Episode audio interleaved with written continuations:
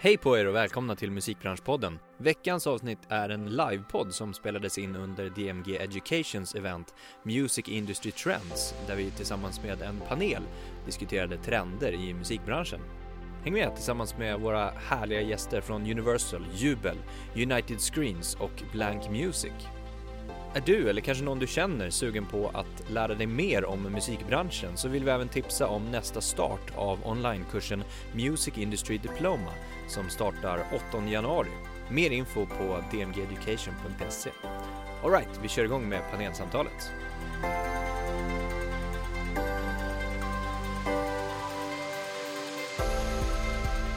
Varmt välkomna till eh, Music Industry Trends.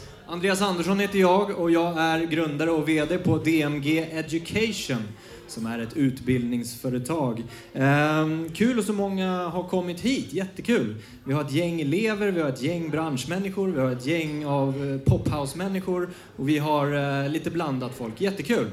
Ehm, vi ska hålla en liten eh, paneldebatt här tänkte vi. Vi eh, på DMG Education, vi har ju ett brinnande intresse och för utveckling och för utbildning såklart. Eh, och eh, när det gäller att titta på vad musikbranschen har att erbjuda härnäst så ville vi vara först in line så att säga. Så vi har bjudit hit ett gäng grymma gäster för att prata trender i musikbranschen. Vi säger varmt välkomna upp Samuel Arvidsson på Universal Music, Karin Forsberg på artistbyrån Jubel, Georg Herlitz på United Screams, Anna Cornelia Åberg på Blank Music. Bra, ni förstod att ni skulle ge dem en applåd.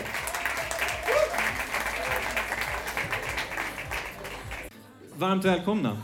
Vi befinner oss i väldigt, väldigt spännande tider när det gäller musik och underhållningsbranschen. Mycket som händer med teknisk utveckling, talanger, nya talanger som föds. Eh, så vi tänkte att eh, vi ska prata just om det och sen konsumentbeteenden och vad är det som driver konsumentbeteenden? Vem är det som bestämmer egentligen? Är det konsumenterna? Är det talangerna? Är det bolagen som sitter och, och representerar till exempel? Då? Ehm, så det är några av de grejerna vi ska titta på och sen trender i musikbranschen, vad vi ser just idag. Ehm, men jag tänkte först att ni ska få presentera er själva, vilka ni är, men inte i vilken omfattning som helst. Utan ni får svara på tre stycken frågor. Ehm, då får ni svara på dem. Vem är du? Vad brinner du för? Och ett ord som eh, beskriver trender i musikbranschen idag. Vem är jag? Jag heter Samuel Arvidsson, jag är commercial director på Universal. Eh, Jag är ansvarig för eh, marknadsföringen, för analysavdelningen, innovation, radio och sälj. Precis. Och sen- vad brinner du för? Ja, men, eh, två saker tror jag. Eh, Det första är att hjälpa våra artister att bli så framgångsrika som möjligt. Eh, Jag har jobbat på 16 år i skivbolag och det har alltid liksom varit ett, en- ett fokus.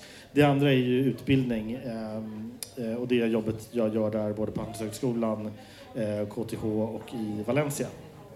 Härligt. Och ett ord som beskriver trender i musikbranschen idag. Ja, det är ju väldigt enkelt. Röststyrning. Intressant. Det kanske vi kommer tillbaka till. Karin.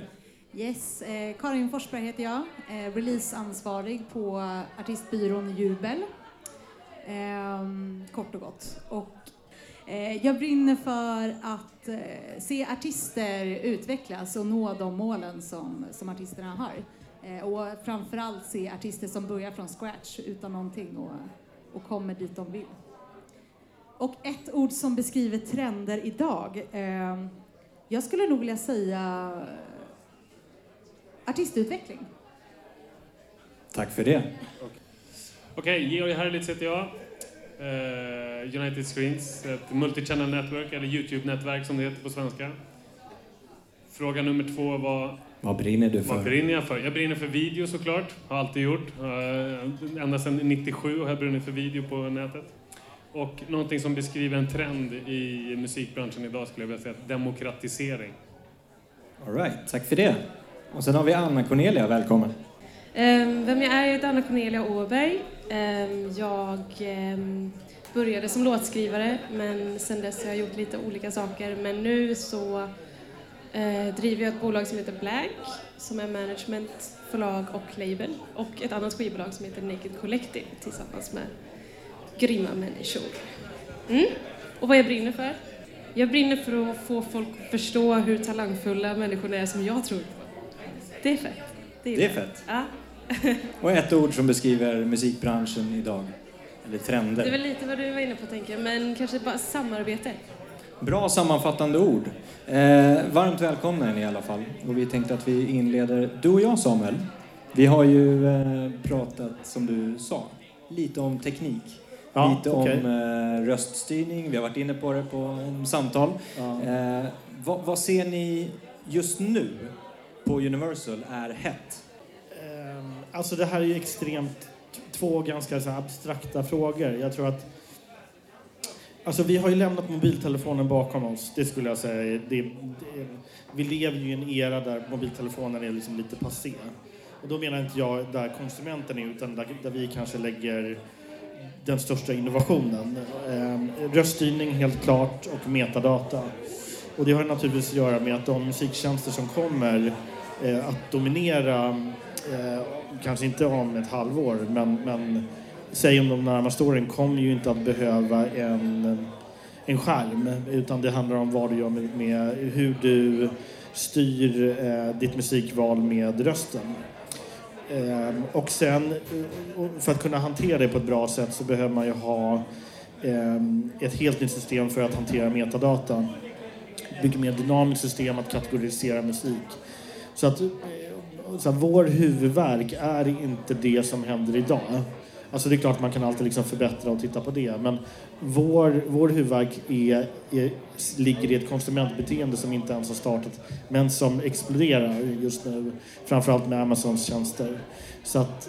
Eh, ja, jag skulle säga att det är, det är de två trenderna som är absolut viktigast som vi lägger mest tid på. Som känns liksom spännande. Sen har vi ju alltid en daglig liksom, utmaning i Okej, hur ska vi få en låt att funka på Spotify? Men det känns inte så himla spännande längre. Eh, för det är vardag. Eh, Och det är jätteintressant kopplat det då till eh, vad ni jobbar med på United Screens, Georg. Eh, att man lämnar eh, kanske skärmen bakom sig. Ni jobbar ju mycket med video och att man lämnar den. Hur ser ni på den, den trenden så att säga? Att man lämnar skärmen bakom sig. Ja precis, håller du med om det? Det gör man väl säkert i, i, i många lägen, men långt ifrån alla. Vi ser våra stora liksom, landvinningar ske på bekostnad av TV, att man byter skärm.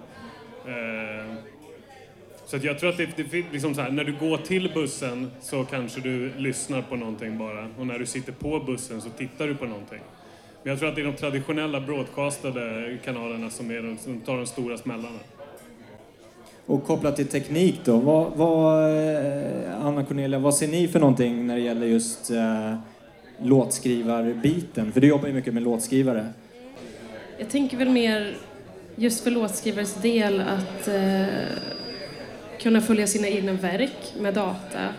Eh, att kunna se vad sina egna verk säger. okej men den här låten verkar verkligen blåa iväg i Indonesien. Varför är det så? Hur kan jag undersöka mer av det? Och då kanske jag behöver skriva till någon i den specifika eh, territoriet som jag är. Alltså den möjligheten att hitta data är ju mycket, mycket större än vad den är, har varit. Och det kan ju på låtskrivarmässigt vara fantastiskt att ha, även om jag inte tror att så många använder det. Just det. Och Karin, ni jobbar ju med eh, dels varumärkessamarbeten, releaser, bokning på Jubel. Vad, eh, ser ni också några nya trender, eh, eller vad som är hett just nu då, inom teknik? Alltså jag tror överlag att eh, kunna förse artister med mer lättillgänglig data och att eh, kunna hantera alla sina verk och, och releaser på, på ett och samma ställe. Eh, det tror jag kommer bli mycket mer i framtiden. Eh, du, i, I framtiden så kommer du inte behöva gå till ett skivbolag, ett bokningsbolag, eh, Eh, ett bolag för att jobba varumärkessamarbeten utan i framtiden så tror jag att allt kan vara på en och samma plattform. Och ni jobbar ju lite grann med en annorlunda modell kan man väl säga. Lite utmanande. Eh, kopplat till hur man jobbar med releaser framförallt. Att eh, man inte signar bort sina rättigheter som artist.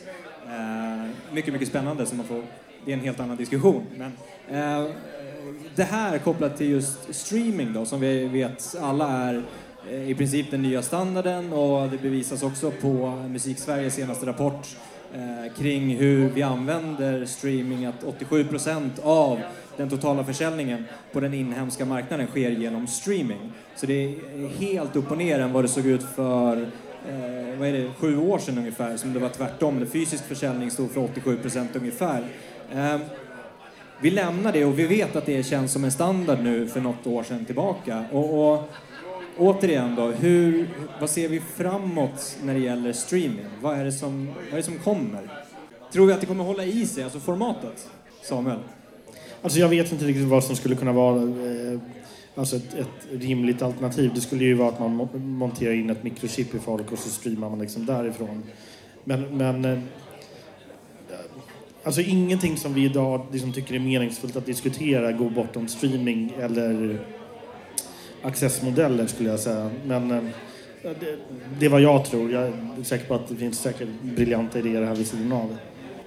Är det någon annan? Vad, vad känner ni just när det gäller det här streaming? Vad kommer, eh, vad kommer härnäst? Alltså, lager på lager brukar man kalla också just när det gäller eh, skärmar eller Ja, jag tror mer på lager på lager, alltså lager på lager-modellen. Att du kommer kunna samla eh, allting på en och samma plattform. Eh, det tror jag väl skulle vara nästa, nästa steg att gå just i streamingen. Att kanske kombinera video med audio. Men är inte det liksom lite gjort då om man tittar på Youtube och... Inte på ett sätt som funkar för både musikbranschen och konsumenten idag. Hur skulle ett sånt koncept ungefär se ut då? Eh, oj, bra fråga. Eh, alltså, jag tänker en plattform där, där allt är lika enkelt och artisterna tjänar så mycket pengar som, som de bör tjäna på den plattformen. Och, och Georg, om, om man tittar på det som vi sa nu då, det här med eh, lager på lager. Är det något som ni tittar på på United Screens? Vi tittar på det. Vi gjorde en affär förra året tillsammans med RMH Samsung där vi livesände i VR hela deras konsert från Nobelberget. Det är ju liksom ett sätt. Sen så i konsumentsidan finns inte riktigt där än. Eh, och jag tror om vi, ska, om vi ska prata om framtiden vad som gäller stream så tror jag att vi kommer handla mycket om att förflytta artisten från att vara bara artist, bara att liksom spela gitarr bra eller sjunga bra, till att röra sig mot ett, mer av ett eh, influencerinnehåll. Att du skapar en, en riktig relation med din, och kontinuerlig relation med din publik och bygger ditt värde därigenom. Olika former av format också, eller? Ja, absolut. Det, det, det kan absolut vara eh, en musikvideo. Jag menar, Sara Larssons framgångar bygger inte bara på hennes musik. Hennes rantande om vad män håller på med är liksom en stor del av hennes framgång också. Och jag tror inte man ska glömma bort den biten av att vara artist idag. Att stå för lite fler grejer än vad man gjorde för kanske 20-30 år sedan. Jag tror tiden som att bara vara artist och vänta på att bli upplockad, den är förbi. Du måste bygga din egen relation med din publik för att bli någonting. Jobba med det som en entreprenör? Ja, en entreprenör eller en influencer eller vad man nu ska kalla det. Absolut. Att börja liksom aktivt ta kontroll över sina egna flöden och, och, och, och bygga upp sina egna kanaler. Håller du med där, Anna Cornelia, när det gäller, du nickade eh, ja, lite instämmande. Jag håller med om jättemycket. Sen så tror jag fortfarande att det här med låtens kraft i sig eh, tror jag inte kommer försvinna på det sättet. Jag tror att det kommer poppa upp eh, låtar då och då som bara så här, de får sitt eget liv på grund av låten. På gott och ont, för det är klart som man, att man vill bygga upp artisten och artisterna vill bygga upp sig själva och att man ska vara ett fan av artisten och inte bara av en låt som man har i sin spellista och sen gå vidare. Liksom. Um, så jag, jag, tror definitivt på hela den grejen med att också när man pratar om att vara signad, att inte vara signad, var man är signad. Eh, att ha mer kontroll över sitt eget flöde och sin egen visuella och kreativa värld och inte lägga det i andras händer. Det tror jag absolut kommer komma mer i och med att det nu är lättare att släppa saker själv och det är lättare att få ut, nå en större massa idag. Liksom. Så det håller jag med om. Och det känns ju lite som att det blir mer och mer vanligt när det gäller låtskrivare också, att det blir en form av talang, om vi kallar det för det. Ehm, att man uppmärksammar låtskrivare på ett annat sätt än vad man gjorde tidigare. Stämmer det? Absolut. Både, både det, att det känns som att, att eh, alla i princip känner att det, det är dags att verkligen shed som light på låtskrivare. Men också att låtskrivare själva tar i sina egna händer och tänker att den här låten är så bra. Det är ingen som har, som har plockat upp den här låten, det är ingen artist som vill ha den här låten. Men den känns så sjukt bra. Jag vill lita på min egen magkänsla och släppa den låten. Det var ju i princip därför vi startade Naked Collective, för att vi tyckte att Victor hade så mycket bra låtar som vi ville få ut. Um, han vill inte per se vara en artist, men han, ville, eh, han var så trött på att ha kvar låtarna på sin hårddisk. Uh, och det har man verkligen sett nu att fler och fler låtskrivare och producenter gör. Att de, de känner, alltså de, det är ju någonting speciellt med att få ut låtar. Och då istället för att sitta och vänta på att den ska bli pitchade till andra artister, ta tag i det själv och bygga en egen värld runt det. Du Samuel som jobbar från ett eh, majorbolag då. Eh, vad säger du om en sån sak? Nej, men alltså, jag, jag tycker båda, jag tycker alla har, har, har väldigt rätt i att, att artister, idag, artister idag behöver kunna göra liksom flera saker. Och det vi märker, om man bara ska dra en väldigt generell trend, så kan man säga att när vi signar influencers för att de ska bli artister så slutar de att vara influencers.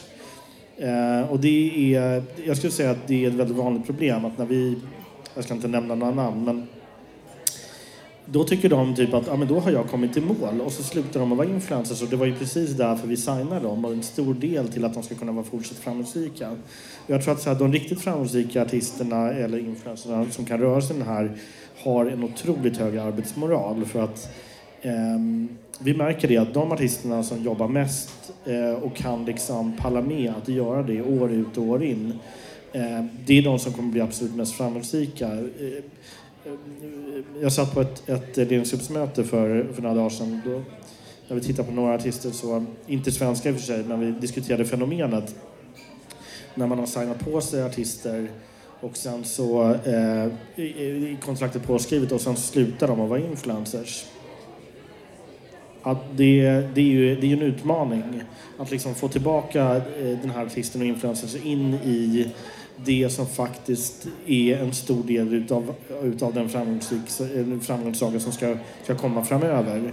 Så att eh, Liksom, både producenter som väljer att vara artister, artister som väljer att börja jobba mer som en influencer och influencers som vill vara artister. Så, så skulle jag vilja säga att det sammanfattande ordet är så här, sätt igång och jobba. För det, är liksom, det blir inte mindre. Och, och speciellt om du ska ut på internationella marknader alltså, jobba på. Och, och just den här... Eh, jag skulle vilja liksom verkligen slå ett slag för att ha en hög arbetsmoral. För det är det som kommer att göra att du, liksom, att du kan ta det vidare och även jobba internationellt. Det räcker inte med att du kommer före i krogkön på Sturecompagniet. Det finns artister som är nöjda med det. Men, men ska du ut och ha en internationell karriär då, då är det otroligt mycket jobb. Och, och, och, som jag tror som vi alla skulle nog skulle kunna skriva under på, man måste ha ett väldigt bra team omkring sig. Ehm, men hur övertygar man en sån eh, influencer som blir en artist och tacklar av? Eh, vad säger man till dem? Eh, alltså i en A&R-situation, och det här kan säkert Anna Cornelia mycket bättre än vad jag kan, men jag tror att eh, man får välja vilka fighter man kan ta på vilket möte. Jag menar, är låten inte tillräckligt bra, då får man ju diskutera hur man kan få liksom piska upp låten på ett sätt så att det, det, den, den blir riktigt bra. Då kan man inte stå och prata om att du postade inte fyra gånger på Instagram igår. Men någonstans så måste man börja ha den konversationen. Och eh, jag tror att det handlar om att ha bra relationer med artister, att, att de känner att, man har det för, att de har det förtroendet för de som man jobbar med, att man kan ha en väldigt bred diskussion. Men jag tror att just nu är vi i ett läge när en del artister liksom lutar sig lite tillbaka när man har fått ett stort skivbolag bakom sig. Och det är precis då arbetet börjar. Och, eh, om vi går från streaming till distribution då, vilket är ett ganska kort steg ändå. Och, eh, jag tänker Karin, ni jobbar ju med releaser och, och samarbetar med artister. Eh, det här med digital distribution, eh, hur, vad, vad, ser vi där? Vad tror vi kommer kopplas samman där? Eller vad är viktigt att tänka på? Alltså, jag tror att det största som vi ser idag är att eh, väldigt många artister vet inte hur lätt det är att släppa musik idag. Eh, förr i tiden så var du beroende av ett traditionellt skivbolag för att ens kunna få upp din musik. Men idag så finns det så många aggregatorer och, och digitala tjänster som, eh, som du kan släppa din musik genom. Eh, det stora problemet som vi har sett är att även de här aggregatorerna tar en stor avgift för att släppa upp, upp, upp musiken.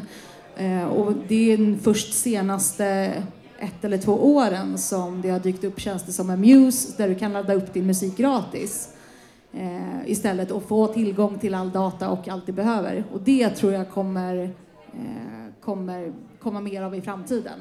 Eh, att det kommer bli lättare att, att, ladda upp din musik. Det svåra arbetet idag handlar egentligen om hur du når ut bland alla 25 000 releaser som kommer varje dag.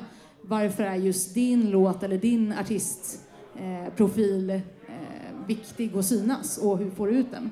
Och där tror jag att det handlar mycket om att bara jobba med rätt team eh, som är villiga att jobba lika hårt som du och också sätta rätt förväntningar på vad ni vill uppnå. Eh, och det är det som vi försöker göra på, på Jubel.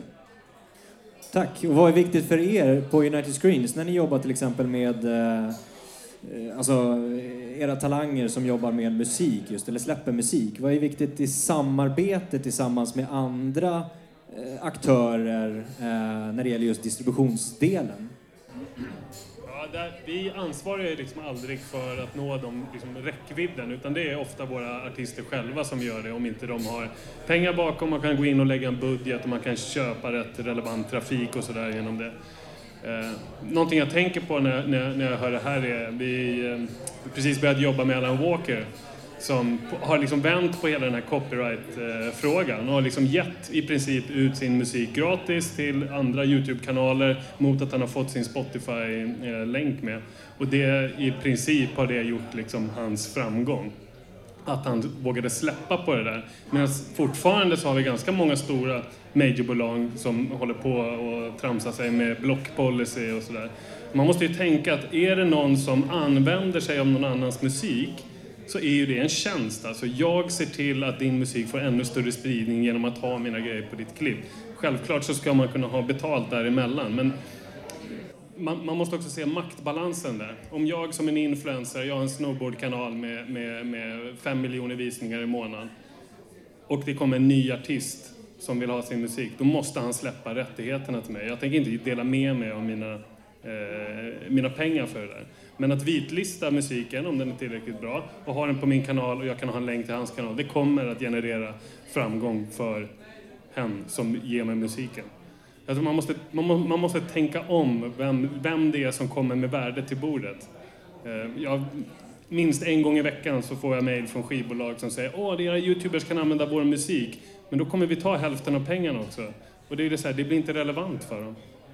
Man måste tänka om hela den där svängen. Men är det inte lite också kopplat till hur du som artist vill få ut din musik? Genom vilka kanaler? På vilket sätt du vill synas? Om man vill synas i Strongboard-kanaler? Alltså inte bara titta på att det är en positiv spridning. Jo, absolut. absolut. Du, det, det, där ska man ha absolut koll på, vad det är för något innehåll man ska kolla på. Vi jobbar med, när vi jobbar med eh, många, många labels eller artister så sätter vi upp en policy. Hur vill du att den här släppet ska se ut? Och sen så får vi data på, nu har den här låten använts i den här och det här, här klippet. Men här borta är det lite så på gränsen till något eh, homofobiskt eller något sånt där. Så får vi en dialog med vår artist.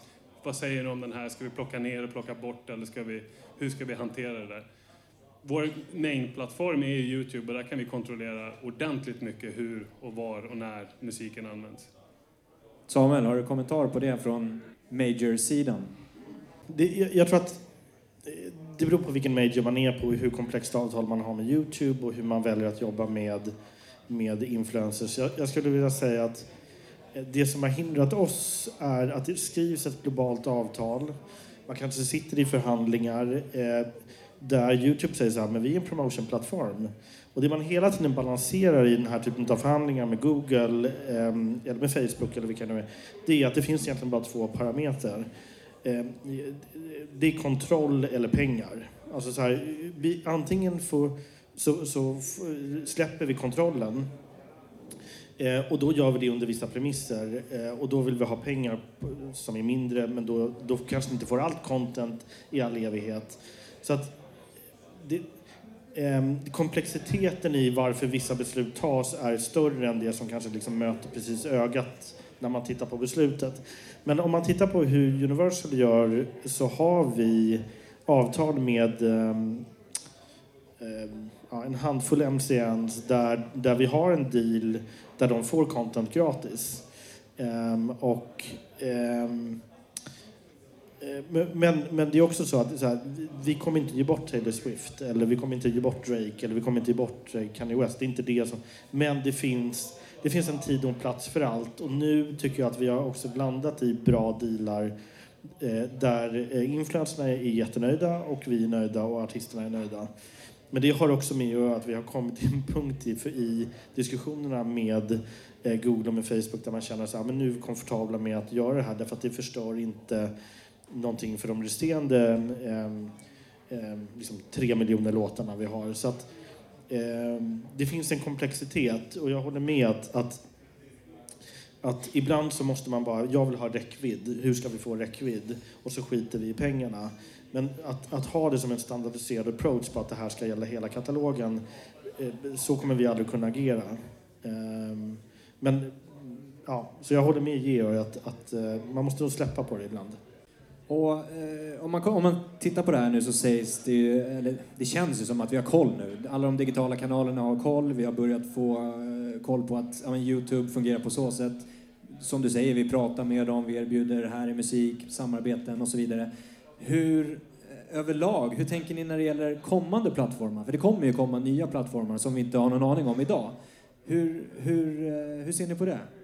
Jag tänker att en kommande plattform måste nog innehålla någon typ av revshare, alltså att, att, att plattformen i fråga delar med sig av de intäkterna det skapar. Antingen genom en subscriber-based eller en reklamfinansierad sådan, men att man delar med sig av dem till de som faktiskt genererar innehållet som skapar värde för plattformen. Eh, det tror jag är, är A och O för att plocka med sig de som, ja, de som, de, de som gör jobbet och följer gör ju deras tittare. Då.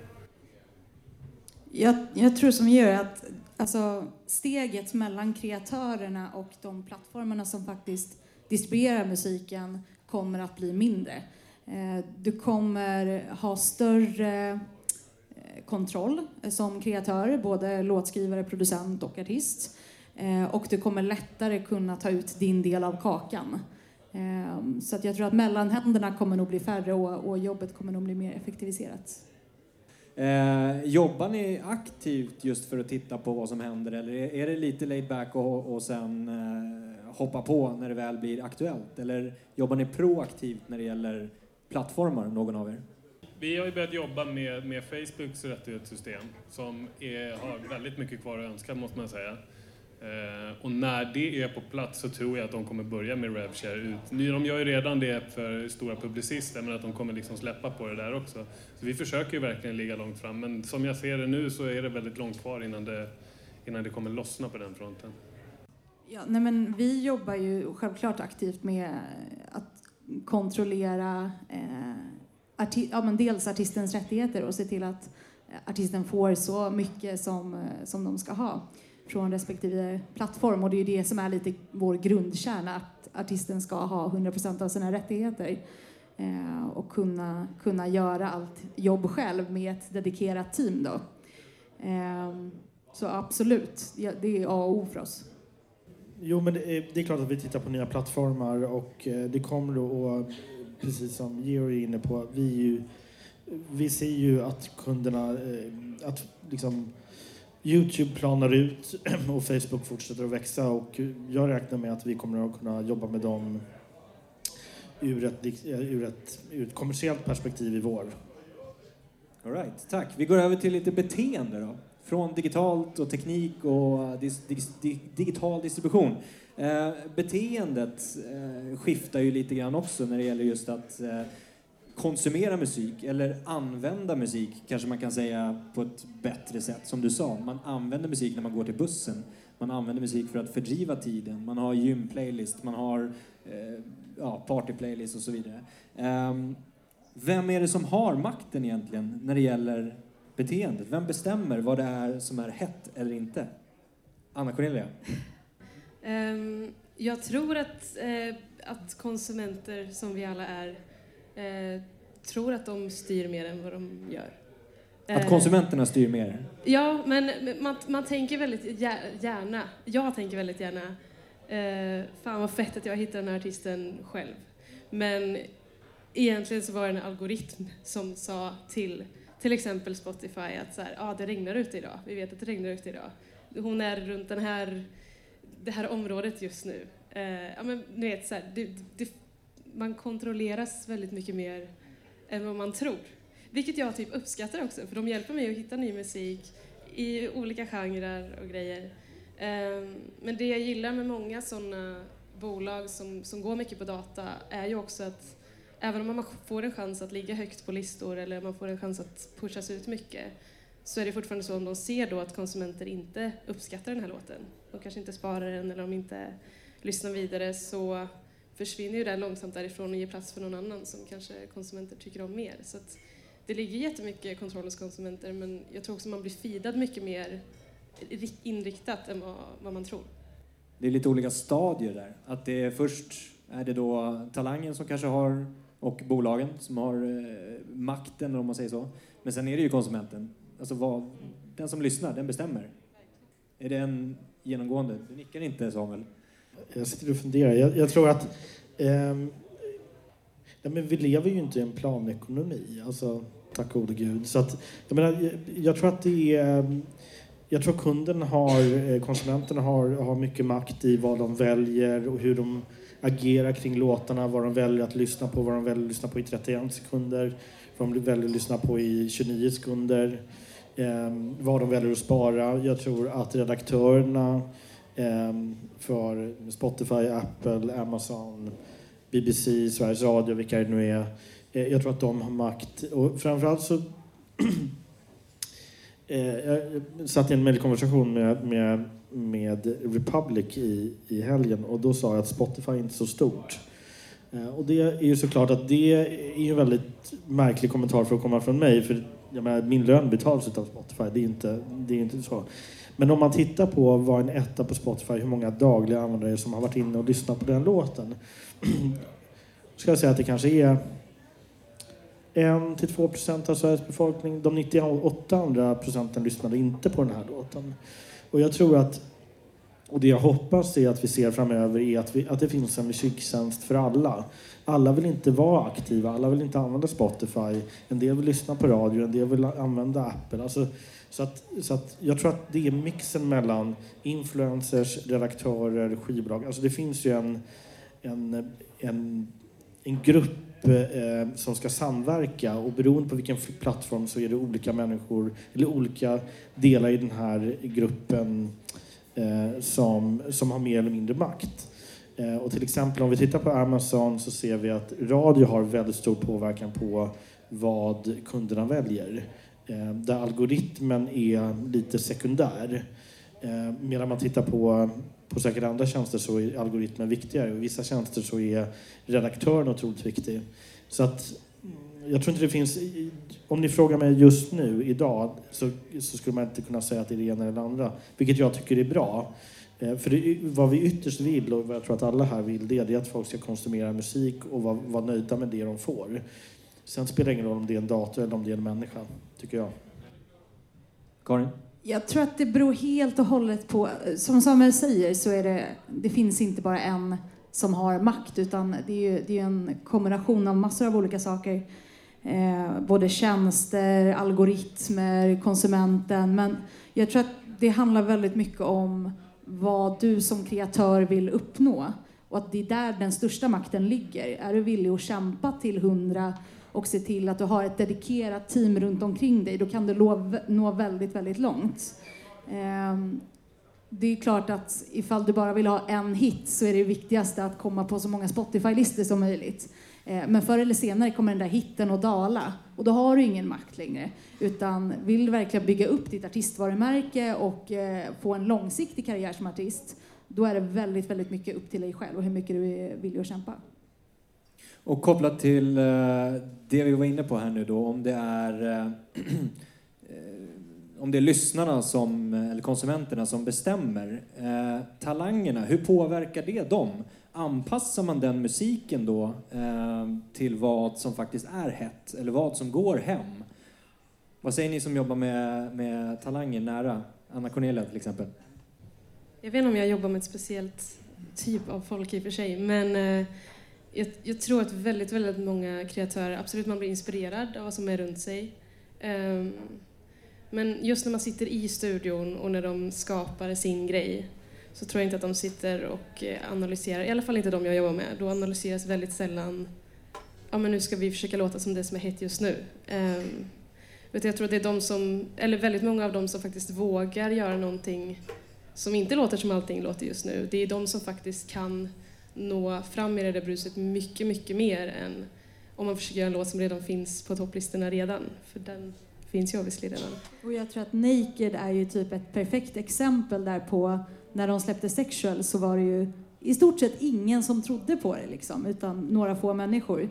Ehm, och det blev ju en världshit eh, i slutändan och nu har väl är det Maroon 5 som har snott soundet totalt. Eh, så att det liksom återigen bara bevisar hur kreatörer när de själva får göra sin egen grej så är det ju faktiskt de också som sätter trenderna. Om vi kollar på, på de vi jobbar med så skulle jag säga att de tittar inte så mycket på vad andra gör eller vad trender gör. Däremot så är de tittar de nagelfar Analytics och kollar vad är det som funkar hos min publik. Eh, och där finns det ju massor att hämta. Vi jobbar med vad vi kallar för YouTube-musiker en hel del, som jag kanske har ackumulerat 15 miljoner subscribers eller något sånt där. Som liksom kommer från YouTube-communityt, men de håller på med musik framför kameran. De har liksom släppt artisteriet och håller på med det där. De är liksom, att kolla Analytics är, är exakt lika viktigt för dem som att liksom stå och spela in. Det, det finns oerhört mycket data där. Och det handlar inte om att hitta liksom det här funkar för den, det här funkar för den, låt oss kopiera. Utan bara stirra stint på den publiken jag faktiskt har. Och jag tror att det där är lite av eh, framtiden också, att foka på, på dem och få koll på sina egna följare. Är det de själva då som har koll på det, eller är det ni som bolag som säger åt dem att kika här för ett tips på vad som liksom funkar eller inte? Alltså vi sitter ju såklart på liksom best practice i den där frågan, men i så mångt och mycket så, så försöker vi alltid lära ut så mycket vi kan så att de blir liksom self-sustainable. Hur påverkar det er som bolag då, det här med beteenden? Och hur eh, anpassar ni någonting efter att titta på, vi pratar om, alltså det är mixat vem som har makten eller inte, men anpassar ni som bolag? Alltså jag tror, för oss, just när det kommer till marknadsföring av musik, där är vi ju väldigt mycket beroende av vad som funkar för olika publiker.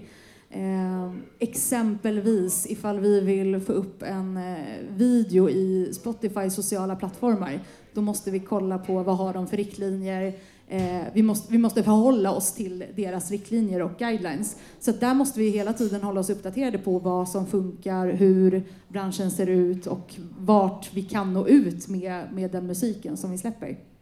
Alltså, det, är klart att vi, det är klart att vi tittar ju hela tiden på omvärlden eh, och tittar på vem, här, vad är det som spelar roll här och, eh, och eh, på det sättet kan man ju säga att det är egentligen den stora skillnaden mellan skivbolag Ehm, idag och för 15 år sedan. Hur vi organiserar det, vad vi har förväntningar på cashflow, eh, hur vi utvecklar artister. Alltså allting, jag ska inte säga att allting har förändrats, men väldigt mycket har förändrats ehm, för att eh, kunna hantera eh, de, den spelplan som finns.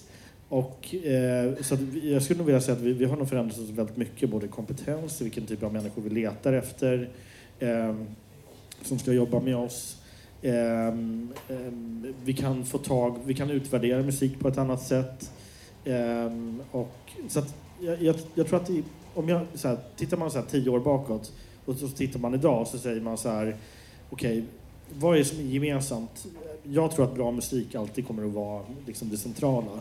Men hur organisationen ser, ser, ut, det handlar ju om att vi, vi har krav. Jag menar, våra artister frågar ju liksom varenda dag så här, varför ska jag ge pengar till dig?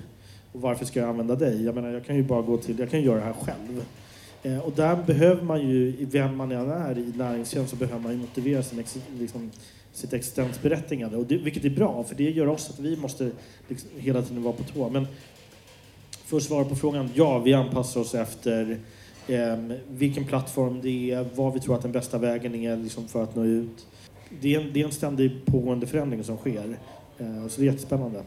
Och kopplat till siffror då, som vi pratade om, eh, och talanger. När ni tittar på nya talanger, eh, det finns väl en liten sådär myt utifrån sett, gemene person som säger att ja, men, nu tittar man bara på siffror och så signar man efter det som funkar. Är det så?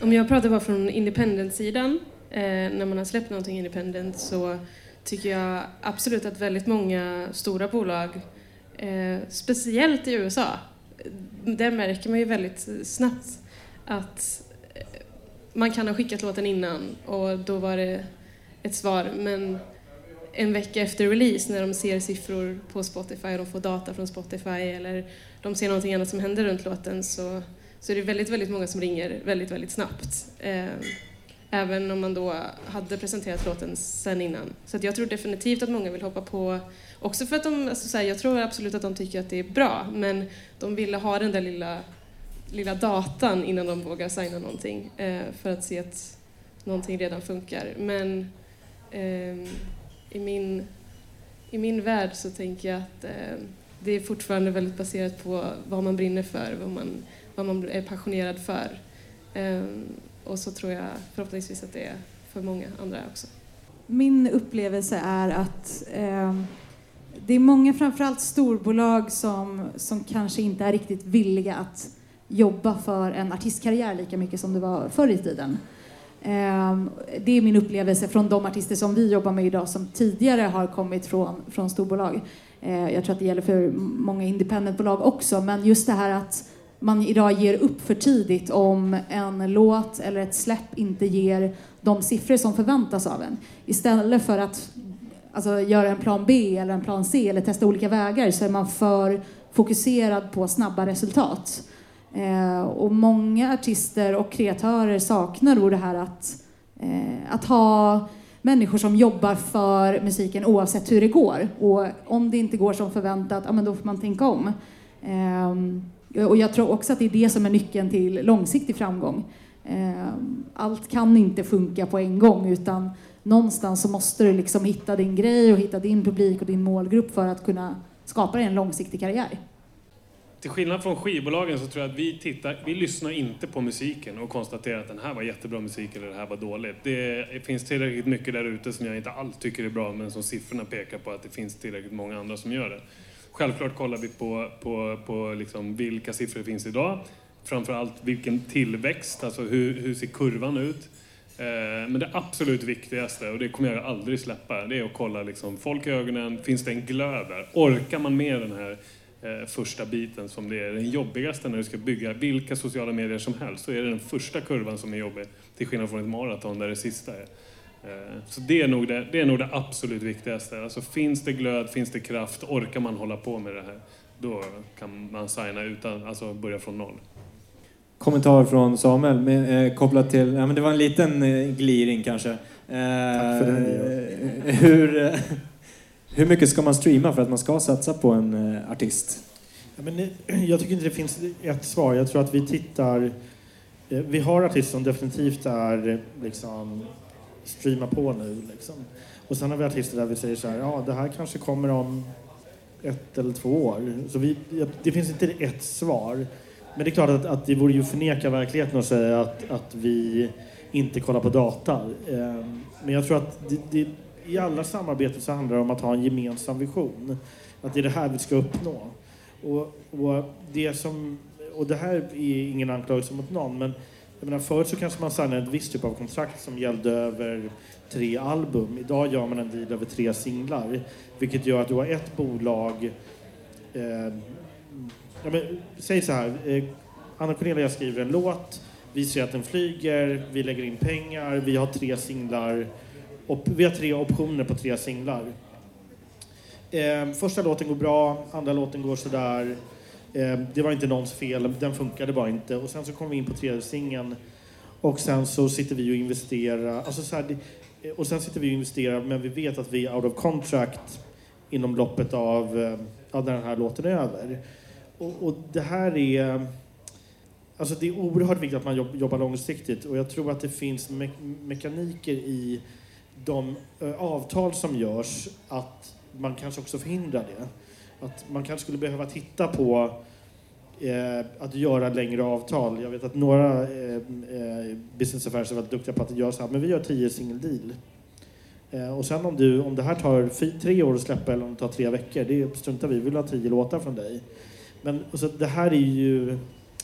Um, alltså, jag tror, jag tror långs, långsiktighet alltid lönar sig. Det handlar om att liksom, hur länge kan man ligga i och köra. Eh, men det är inte... Men i och med på det sättet som avtal mellan artister och skivbolag är utformade och, eh, och återigen, jag skyller inte på någon. Det kan lika gärna vara vårt fel som det är någon annans men gör att kortsikt, långsiktighet premieras inte alltid. Ehm, så att jag skulle vilja säga så här, och det tror jag att alla här är inne på, att jag tror att man måste hitta några som man liksom litar på, som man känner att de här vill man jobba med. Och sen så vågar man skriva någon lite längre deal så att man liksom hänger kvar. Um, är det lite en ekonomisk fråga också? Nej, alltså så här, det är ju inte pengar som är problemet. Det upplever inte jag det som. Jag tror, alltså, jag tror överlag att det är väldigt, väldigt viktigt att sätta rätt förväntningar. Eh, mellan det finns eh, kreatörer och artister som mår jätte, jättebra av ett kortsiktigt avtal och vill bara få ut den här låten och eh, tjäna snabba cash. Eh, men jag tror att det handlar om att sätta rätt förväntningar och där har ju du som kreatör ett stort ansvar att förstå vad det är för typ av avtal du skriver under och vilka människor du får jobba med. Eh, så i mångt och mycket så handlar det om, om det. Eh, jobbar ni något på det sättet att, att eh, ni tittar på data eller siffror innan ni hjälper en artist? För ni signar ju inte artister på det sättet. Absolut. Vi, eh, vi tittar nästan alltid på, när, när det gäller artister som redan har släppt någonting, eh, så tittar vi väldigt mycket på hur det har sett ut tidigare för den artisten. Eh, genom Spotify Fan Insights, Facebook och, och sånt. Och det handlar väl väldigt mycket om att dels så sätter vi upp mål för vad vi vill uppnå tillsammans med artisten inom ett årsperiod. period. både streamingmässigt, fanbaserat i sociala medier och sådär. Eh, men sen också är det många artister som vi jobbar med som vill branda om sitt varumärke som kanske kommer från en idolbakgrund eller en eh, tonårsflickidol och nu vill gå över till en annan målgrupp. Och där handlar det väldigt mycket om att göra målgruppsanalyser, förstå vilken är målgruppen idag, hur kan vi behålla dem även fast vi riktar oss mot en annan typ av målgrupp. Eh, så jag skulle säga att data är, det är A och O för oss för att kunna förstå vilken typ av artist vi, vi jobbar med och vad vi vill uppnå. Om vi tar var och en, vad kommer vi se kopplat till, eh, alltså vad är viktigast i er verksamhet? Er verksamhet kopplat till det vi säger nu angående då teknik, digital distribution eller beteenden? Ja, men vi, vi, måste ju ha eh, folk på plats som kan hjälpa våra artister. Eh, jag tycker att en utmaning som vi hela tiden står inför det är så här, har vi rätt folk? Kan de rätt saker? Eh, och kan de, hjälpa, kan, kan de hjälpa våra artister på det sättet som, som de vill bli hjälpta på? Och, och kan, kan vi komma framåt? Så att den stora utmaningen, i alla fall om jag talar bara för mig själv, det, det är ju det är inte processer. Det, det kan man alltid fixa, men det, det är att ha rätt människor som är smarta, som vet hur man engagerar konsumenten eh, och som kan också jobba tillsammans med artister för att uppnå den visionen som artisten har. Och hur hittar man dem? Vi har ju ett gäng music business developers här som är jättenyfikna till exempel. Ja, men jag, jag, jag, jag tror ju på utbildning. Jag, jag, tror att man behöver ha ett teoretiskt ramverk att utgå ifrån när man, när man jobbar i, i vardagen. Och sen finns det såklart additional skills som man behöver ha på det. Men, men eh, var nyfiken och våga värdera teori skulle jag säga. För att ofta så, så när man sitter, så det tre, fyra, jag har intervjuat fyra människor idag, Ehm, att man kan inte bara säga, komma till jobbet och säga så här, ja men jag lär mig på jobbet. Alltså det, det är klart att det finns en del i det som, som där, det, där det är en del av sin egen kompetensutveckling. Men jag vill se att man att man har det teoretiska och att man har ändå lite skin in the game med att man har på något sätt investerat i en utbildning, om det sen är universitetet eller om det är någon skola efteråt eller på något sätt. Men, men jag tycker det teoretiska, det, om det är någon, någon enskild del som jag skulle vilja eh, eh, eh, två delar som jag tycker är viktiga. Det ena är den teoretiska. Praktiken utgår ifrån att det, det lär man sig över tid. Och sen är det att vara en, en bra kommunikatör. Eh, de två bitarna tycker jag är viktiga. Härligt. Karin, vad ser ni i er verksamhet är viktigt framöver nu då? Eh, jag tror att det viktigaste, eller det viktigaste för oss är att skapa en så bra situation för eh, artisten som möjligt att kunna jobba vidare med sin musik. Eh, och där ligger ju ansvaret väldigt mycket på oss att dels själva utvecklas och att våga ifrågasätta också, inte bara ifrågasätta oss själva och det arbetssättet vi har utan ifrågasätta artister vi jobbar med, ifrågasätta andra kreatörer. Jag tror att det är det sättet som vi kan utvecklas på. Sen så jobbar ju vi också med en stor bredd av artister. Det är allt från metalband till eh, klassisk musik till, till pophits. Så att där tror jag också att det handlar väldigt mycket om att lära sig från eh, olika delar av branschen. Eh, ta lärdom från det som funkar och, och applicera på annat. Tack. Georg? Ja, för oss, tror jag, eller för mig, jag tror att min säljchef skulle inte hålla med mig riktigt, men för oss handlar det väldigt mycket om att plocka ner de här jättebudgeterna som går över hela Sverige mot alla målgrupper och plocka ner dem och göra dem spetsiga, göra dem relevanta.